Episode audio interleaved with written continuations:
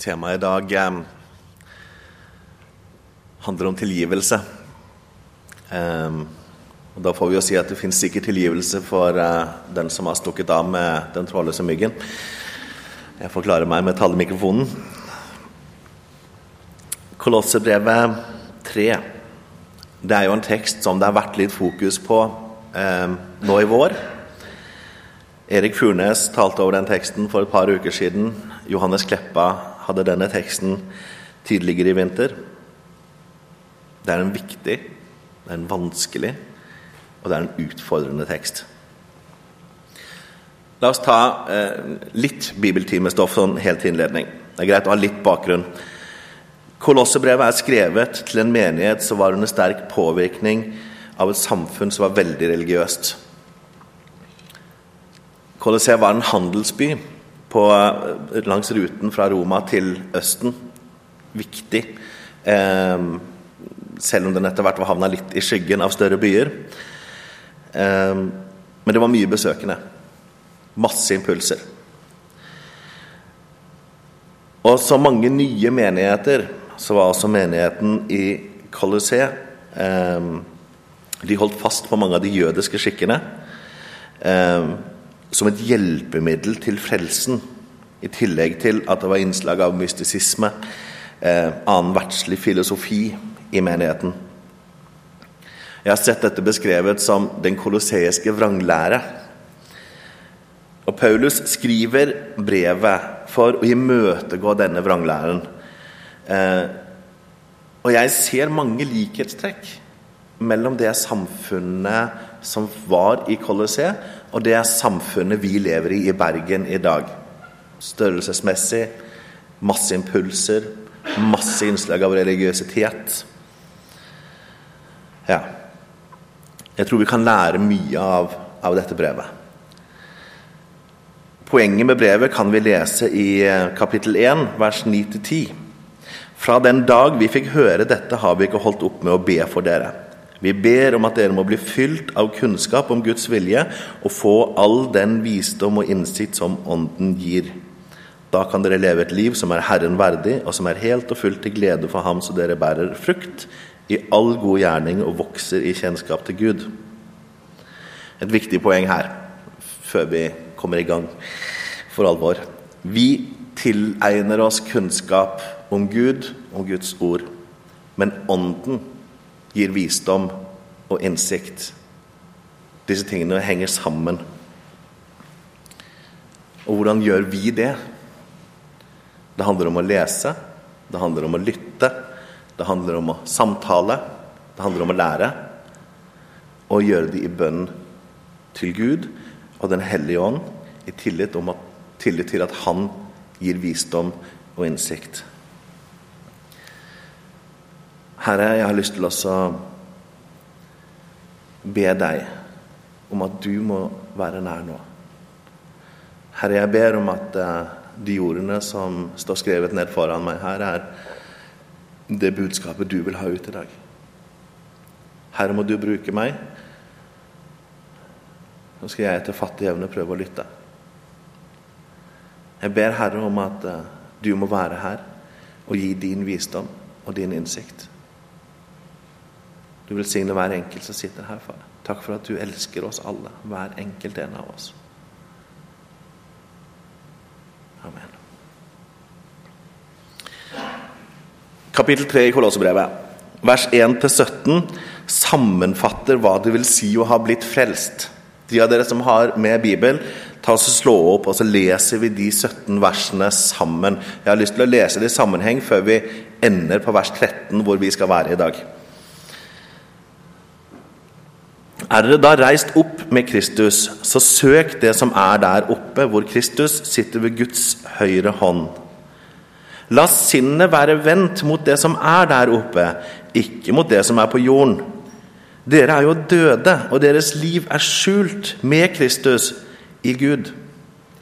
Men når Kristus, deres liv, åpenbarer seg, da skal også dere bli åpenbart i herlighet sammen med Han.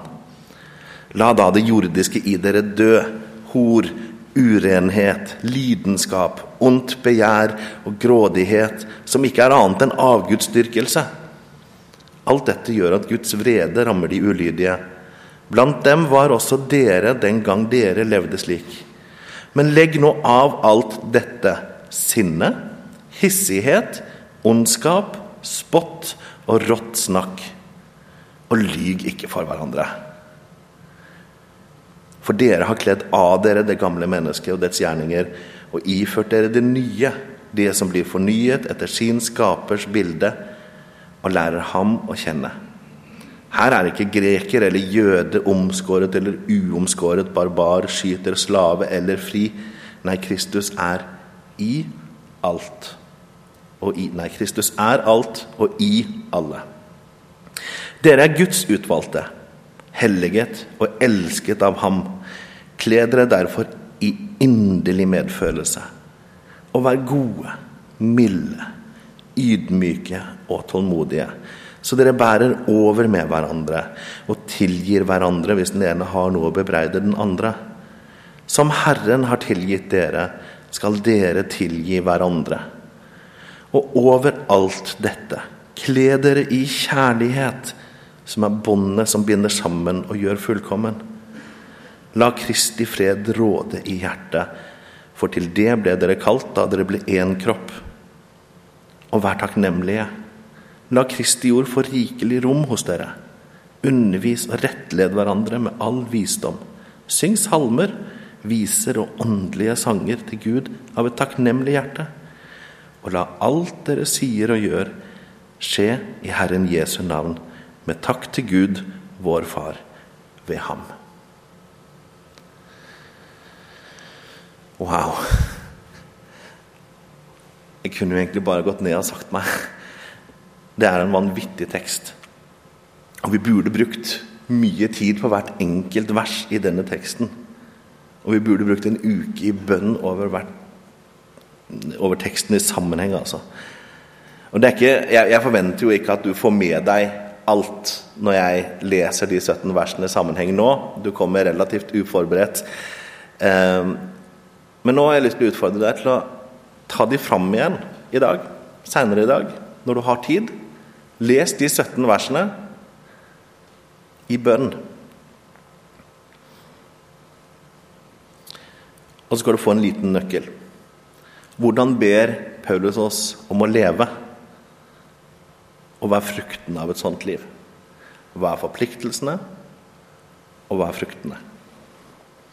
Ok, dagens tekst, Kolosserne 3, 13, var utfordringen jeg fikk. Og det er en utfordring å skulle tale over. For det, det lyder slik Så dere bærer over med hverandre og tilgir hverandre hvis den ene har noe å bebreide den andre. Som Herren har tilgitt dere, skal dere tilgi hverandre. Først dette er utrolig vanskelig å skulle si noe om. For jeg kjenner jeg er så redd for å snakke enkelt om noe som er utrolig vanskelig. Og Det er litt av en bestilling, det som står her. Som Herren har tilgitt dere, skal dere tilgi hverandre. Kjenner vi litt på at vi har lyst til å overse det verset. Og Da må vi overse Matteus 6,12. Fader vår, og tilgi vår skyld, slik vi også tilgir våre skyldnere. Og vi må overse Matteus 6, 14 og 15. For dersom dere tilgir menneskene de misgjerningene de har gjort, skal også deres himmelske Far tilgi dere. Men dersom dere ikke tilgir menneskene, skal heller ikke deres far tilgi de misgjerninger dere har gjort. Matteus 6, 25. Men når dere står og ber og har noe å anklage en annen far for, så tilgi ham, for at også deres far i himmelen kan tilgi de misgjerningene, dere, misgjerningene deres. Men om dere ikke tilgir, skal heller ikke deres far i himmelen tilgi deres misgjerninger. Efeserne 432. Vær gode mot hverandre, vis medfølelse og tilgi hverandre, slik Gud har tilgitt dere i Kristus. Og så har vi lignelsen om tjeneren som ble ettergitt mye. Vi kan ikke overse dette. Vi kan ikke overse at det er en sammenheng mellom Guds tilgivelse og vår tilgivelse. Vi kan ikke sette Skriften til side. Og da må vi ta den vanskelige veien. Vi må lære å tilgi.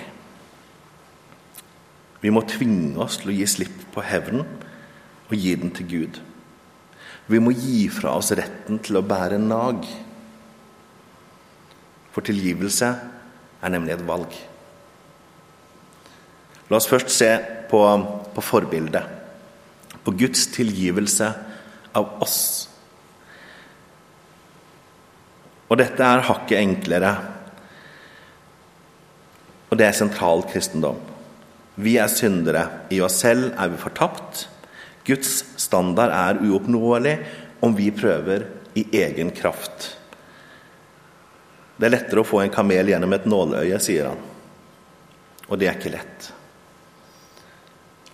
Ikke kaniner heller, for den saks skyld.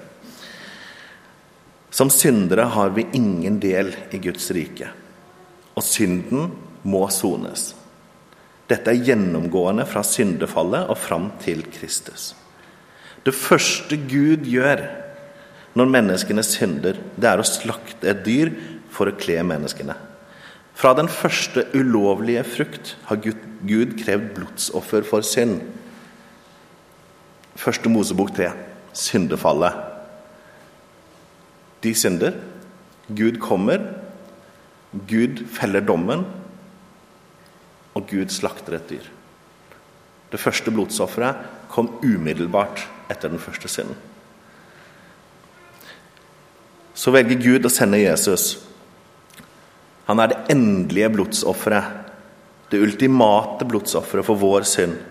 Han levde i vårt sted. Han døde i vårt sted, og fordi han var uten synd, vant han i vårt sted.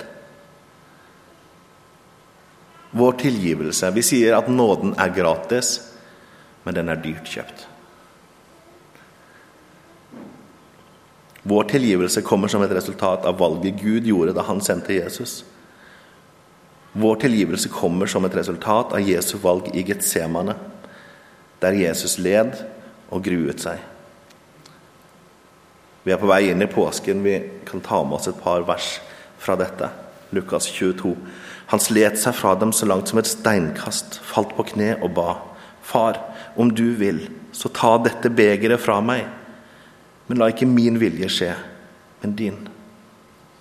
Da viste en engel fra himmelen seg for ham og styrket ham. Og han kom i dødsangst og ba enda mer inntrengende, så svetten falt som bloddråper ned på jorden. Og det var ikke rart. Når vi leser Johannes 18,4, da soldatene kommer inn i hagen for å arrestere han, så står det Jesus visste om alt som skulle skje med han. Er det rart at svetten falt som blodstråper? Og så vet vi jo at hans guddommelige makt Han kunne når som helst ha sagt 'Jeg vil ikke. Jeg vil ikke'. Men han valgte å la seg arrestere. Han valgte å la soldatene sette en tornekrone på han. Han valgte å la soldatene spytte på han. Han valgte å la seg piske. Han valgte å bære korset. Han valgte naglene. Han valgte døden for at jeg skal kunne få velge liv. Tilgivelsen for våre synder hadde en pris. Gud betalte en vanvittig pris for å kunne tilgi oss. Når vi ber om tilgivelse, så er det ingen enkel sak. Det har kostet Gud dyrt å gi den tilgivelsen til oss. I lignelsen om mannen som fikk ettergitt mye av kongen, og selv ikke etterga sin kollega, Matteus 18, så bruker Jesus to tall som jeg syns er talende. Kongen etterga sin medtjener, hvis jeg regner om til våre årslønner, rundt 60 millioner kroner. Og mannen traff en medtjener på trappen. Han ville ikke ettergi noe som jeg har regna om til rundt 220 000 kroner. Jeg talte over den teksten i november, så jeg skal ikke bruke mye tid på den nå. Men følgende poeng tar vi med oss. Det svir å ettergi en gjeld på 220 000 kroner, selv om du sjøl er kvitt milliongjelda di. Tilgivelse er et valg. Om jeg nå får lov til å bli personlig et lite øyeblikk Når Lisbeth, kona mi, sier til meg at hun tilgir meg, så betyr det uendelig mye for meg. For da vet jeg at den saken vil aldri mer bli nevnt. Og når jeg, eller når jeg sier til Lisbeth at det er greit, du er tilgitt, så vet hun at da nevnes den saken aldri mer igjen. Ikke fordi at verken hun eller jeg har en dårlig hukommelse og er veldig god til å glemme, men vi tar noen valg. Når vi sier 'du er tilgitt', så har vi tatt et valg på at vi aldri mer kan bruke det mot den andre. Det kan ikke trekkes fram igjen neste gang vi blir sinte på hverandre.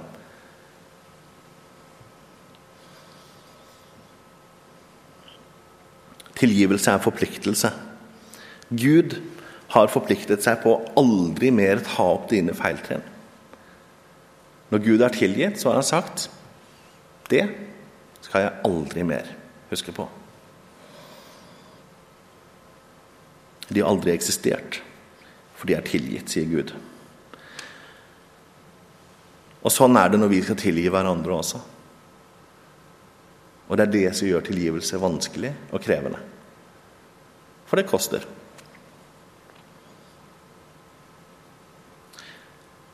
Men alternativet er også kostbart. Det å ikke tilgi, det er også kostbart. Det er energikrevende å bære nag. Det er energikrevende å gå rundt og tenke 'Åh, han skal få igjen'. Det er tungt å kjenne på bitterhet og sinne og hat. Og Det å tilgi, det er et valg som ikke bare løser din skyldner, det løser også deg. På samme måte som meg, så har sikkert du mennesker som har gjort deg urett. Og det kan kjennes umulig å klare å gi slipp. Gud har noen verktøy på lur. I Matteus så, skriver, eh, så står det at dere har hørt det er sagt du skal elske din neste og hate din fiende. Men jeg sier elsk deres fiender, velsign dem som forbanner dere. Gjør godt mot dem som hater dere, og be for dem som mishandler dere og forfølger dere. Jeg tror det skjer noe når vi ber for mennesker vi bærer nag til. Når vi ber for mennesker som vi kjenner at hm, det skulle han ikke ha gjort. Det blir vanskeligere å holde fast på en urett når vi daglig ber for de menneskene. For eh, et års tid siden så fikk jeg sitte tett på Kjetil Klungland og høre hans historie.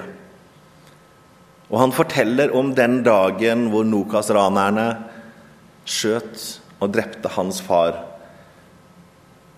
for å mette sin egen umettelige grådighet. Hvordan de kynisk siktet seg inn på bilen og skjøt og drepte en familiefar. Og Jeg får høre han fortelle om hvordan han velger å tilgi. Og han var tydelig på at det handler først og fremst om at jeg for min del ikke kan leve livet i utilgivelighet. Gud elsker disse.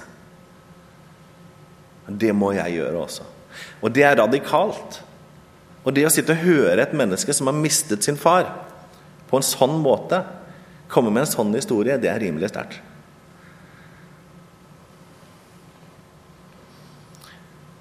Han må fremdeles leve med konsekvensene. Han får ikke sin far tilbake. Og savnet er fremdeles vondt. Men livet er lettere uten bitterheten som følger med uforsonlighet og hevnlyst. Og kanskje ligger det en liten nøkkel i hvordan vi velger å se på vår neste. Det står en historie i, i Lukas 7 eh, hvor Jesus er hjemme hos Simon, en høvedsmann, en kar som er høyt på strå. Og så kommer det inn en kvinne som, eh, som eh, tydeligvis har med seg en del bagasje. En kvinne som ikke har levd veldig greit. Og, og eh, det å se litt på hvordan Simon ser på denne kvinnen. Han ser henne som skitten, sykdomsbefengt, ussel, foraktelig, som en hore. Kanskje var hun det også. Hun var en inntrenger, hun kom ubedt inn i huset hans. Hun var et dårlig menneske. Og han tenkte slike tillater ikke jeg at rører meg engang. Og så kan du høre forakten for Jesus når han sier at var han en profet, så visste han hva slags kvinne som rørte ved han. Og så ser vi litt hvordan Jesus ser henne. Han ser en elsket sjel. Han ser en angrende synder. Et Guds barn. Han ser et menneske med uendelig verdi. Hvilket menneske er lettest å elske? Det tilgitte, verdifulle Guds barn eller den skitne, sykdomsbefengte hora?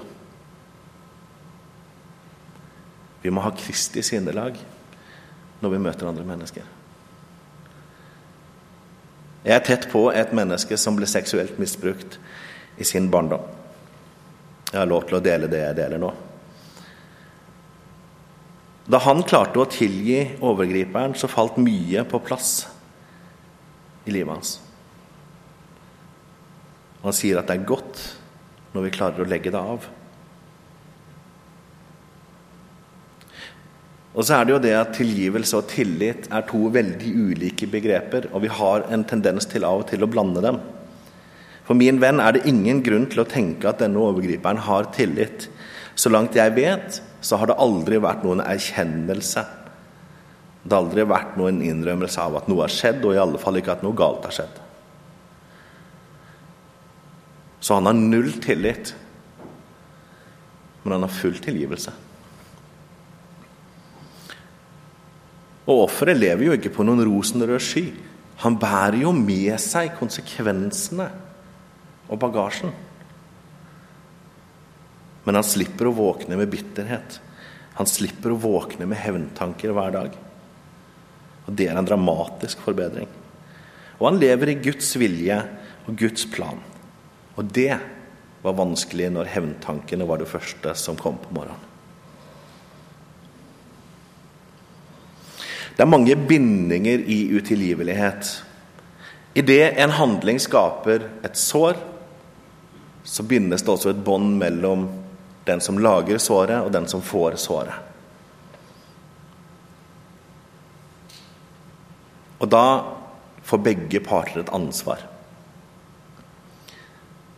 Hvis noen har påført deg et sår, og du kjenner at dette var vondt, og dette er vondt, og du begynner å bære nag, du kjenner på bitterhet, så er det ikke ditt ansvar å få vedkommende til å be om tilgivelse. Det er hans ansvar.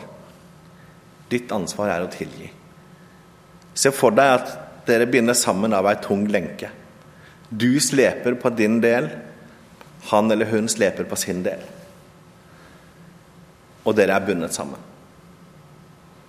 Om du klarer å tilgi, så kan du slippe. Og du kan gå videre. Og Tenk motsatt, da. Hvis du er den som har påført såret, så har du også et ansvar. Du har et ansvar mellom å erkjenne, eller med å erkjenne. Du har et ansvar med å be om tilgivelse. På den måten så vil du gjøre det utrolig mye lettere for den som har fått et sår, å kunne gå videre og kunne tilgi. Og Ditt ansvar er ikke å få tilgivelsen. Ditt ansvar er å legge til rette for at tilgivelsen kan gis, ved å be om den. Og da har du sluppet din del av lenka.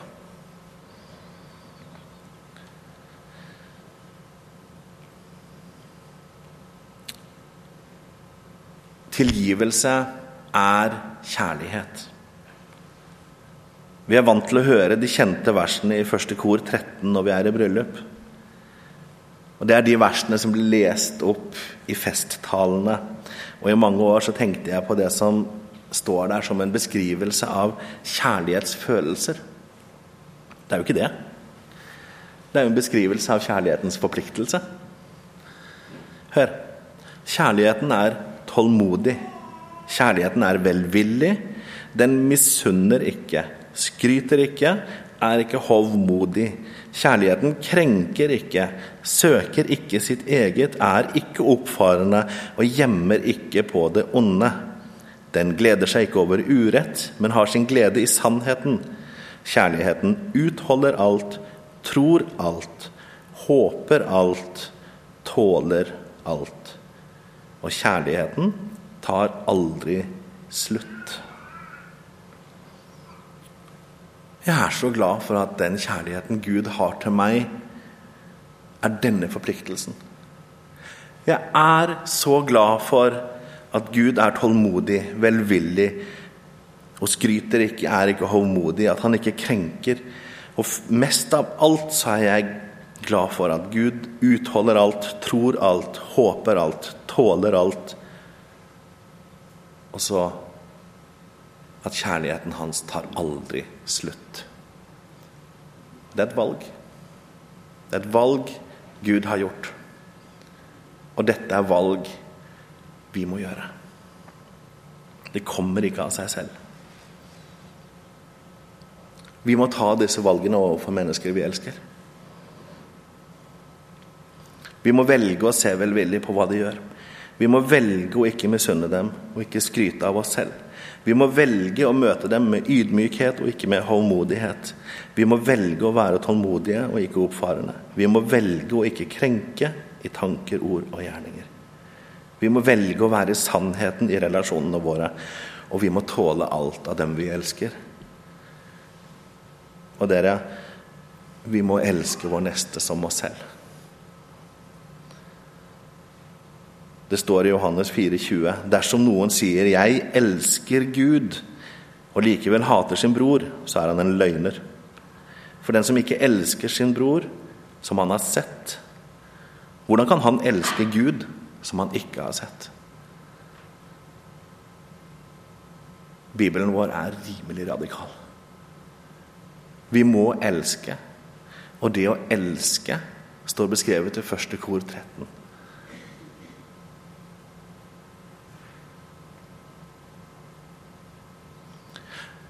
Jeg syns dette er kjempevanskelig. Og det jeg er reddest for av alt, er at jeg skal ta for lett på det. Og det håper jeg ikke jeg har gjort. Og så tenker jeg at hvis du sitter her nå og kjenner på noe At du over tid har gått og båret nag til noen. At du har vært sint på noen. Eller kanskje du bærer på sår. Kanskje har noen gjort ting mot deg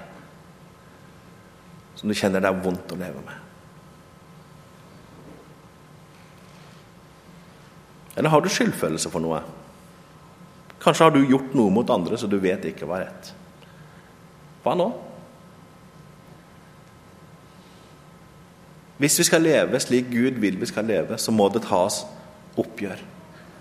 Enten du er på den siden som har fått sår, eller du har påført sår. Så begynn hos Gud. Og den anledningen har du nå. Mot avslutningen av møtet nå så blir det som vanlig mulighet for å gå til forbønn.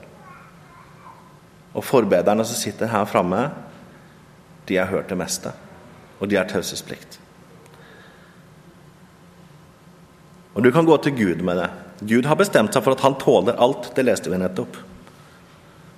Men det å gå til Gud forsterkes hvis du går til Gud sammen med et annet menneske. Det står noe om at bekjenn syndene for hverandre. Og det er en utrolig styrke i, og dette har jeg mye personlig erfaring i. Det å kunne gå sammen med et annet menneske og bekjenne synd, det er vanskelig, det er krevende, og det er frigjørende. Det å måtte gå til mennesker og si at 'jeg har gjort deg urett', det er vanskelig. Det begynner hos Gud, og det fullendes når du går til det andre mennesket.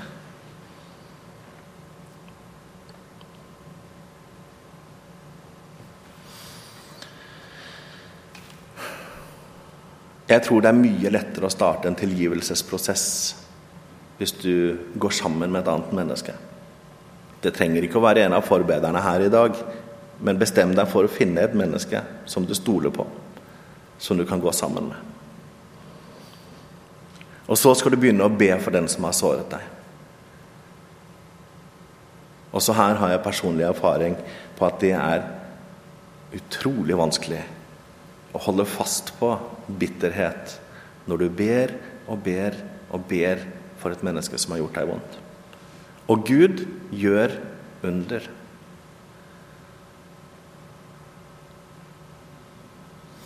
Far, du ser at disse tingene er vanskelige. Du ser at dette er krevende, og samtidig så er du veldig tydelig i ordet ditt på at vi må tilgi slik du er tilgitt.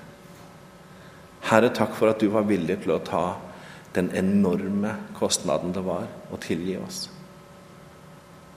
Takk for at du var villig til å bære ydmykelsen, skammen, spotten, piskeslagene, tornekronen.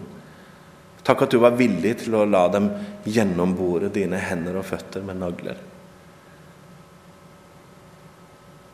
Herre, takk for at du var villig til å gå i døden for meg, for at du skulle kunne tilgi.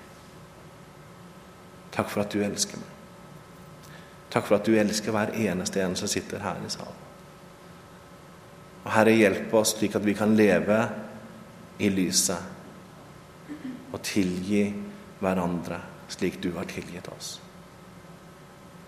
Amen.